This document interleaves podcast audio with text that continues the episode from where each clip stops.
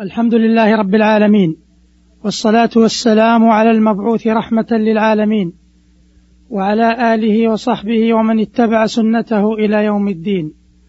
أما بعد فسلام الله عليكم ورحمته وبركاته.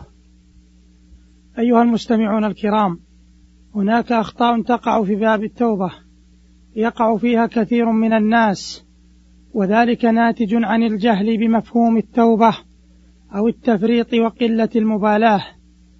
والحديث في هذه الحلقة سيتناول شيئا من ذلك. فمن تلك الأخطاء تأجيل التوبة. فمن الناس من يدرك خطأه ويعلم حرمة ما يقع فيه من فعل أو ترك ولكنه يؤجل التوبة ويسوف فيها. فمنهم من يؤخرها إلى ما بعد الزواج أو التخرج. ومنهم من يؤجلها ريثما تتقدم به السن إلى غير ذلك من دواعي التأجيل. وهذا خطأ عظيم لأن التوبة واجبة على الفور فأوامر الله ورسوله صلى الله عليه وسلم على الفور ما لم يقم دليل على جواز تأخيرها. بل إن تأخير التوبة ذنب يجب أن يستغفر منه.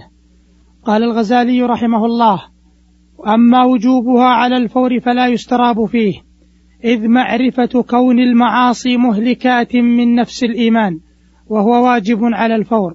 وقال ابن القيم رحمه الله المبادرة إلى التوبة من الذنب فرض على الفور ولا يجوز تأخيرها فمتى أخرها عصى بالتأخر. فإذا تاب من الذنب بقي عليه توبة أخرى وهي توبته من تأخير التوبة. وقل أن تخطر هذه ببال التائب بل عنده أنه إذا تاب من الذنب لم يبق عليه شيء آخر وقد بقي عليه التوبة من تأخير الذنب.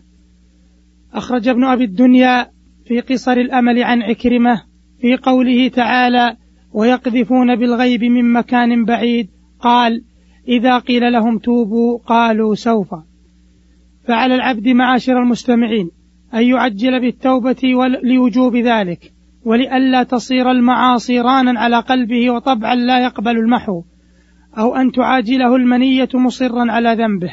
ثم إن ترك المبادرة للتوبة مدعاة لصعوبتها وسبب لفعل ذنوب أخرى. قال النبي عليه الصلاة والسلام إن المؤمن إذا أذنب ذنبا كانت نكتة سوداء في قلبه فإذا تاب ونزع واستغفر صقل قلبه منها وإذا زاد زادت حتى يغلف قلبه فذلك الران الذي ذكره الله في كتابه كلا بل ران على قلوبهم ما كانوا يكسبون. رواه أحمد والترمذي وقال حديث حسن صحيح والحاكم صححه وقال الذهبي على شرط مسلم. قال ابن الجوزي رحمه الله يا بطال إلى كم تؤخر التوبة؟ وما أنت في التأخير معذور. إلى متى يقال عنك مفتون مغرور؟ يا مسكين قد انقضت أشهر الخير وأنت تعد الشهور. أترى مقبول أنت أم مطرود؟ أترى مواصل أنت أم مهجور؟ أترى تركب النجب, النجب غدا أم أنت على وجهك مجرور؟ أترى من أهل الجحيم أنت أم من أرباب القصور؟ أيها المستمعون ومن الأخطاء في التوبة الغفلة عن التوبة مما لا يعلمه العبد من ذنوبه. فكثير من الناس لا تخطر بباله هذه التوبة فتراه يتوب من الذنوب التي يعلم أنه قد وقع فيها ولا يظن بعد ذلك أن عليه ذنوبا أخرى غيرها. وهذا من الخطأ في باب التوبة وقل من يتفطن له. فهناك ذنوب خفية وهناك ذنوب يجهل العبد أنها ذنوب. قال ابن القيم رحمه الله ولا ينجي من هذا إلا توبة عامة مما يعلم من ذنوبه ومما لا يعلم. فان ما لا يعلمه العبد من ذنوبه أكثر مما يعلمه ولا ينفعه في عدم المؤاخذة بها جهله.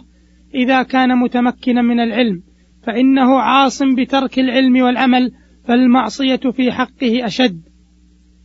ولهذا قال النبي صلى الله عليه وسلم الشرك في هذه الأمة أخفى من دبيب النمل.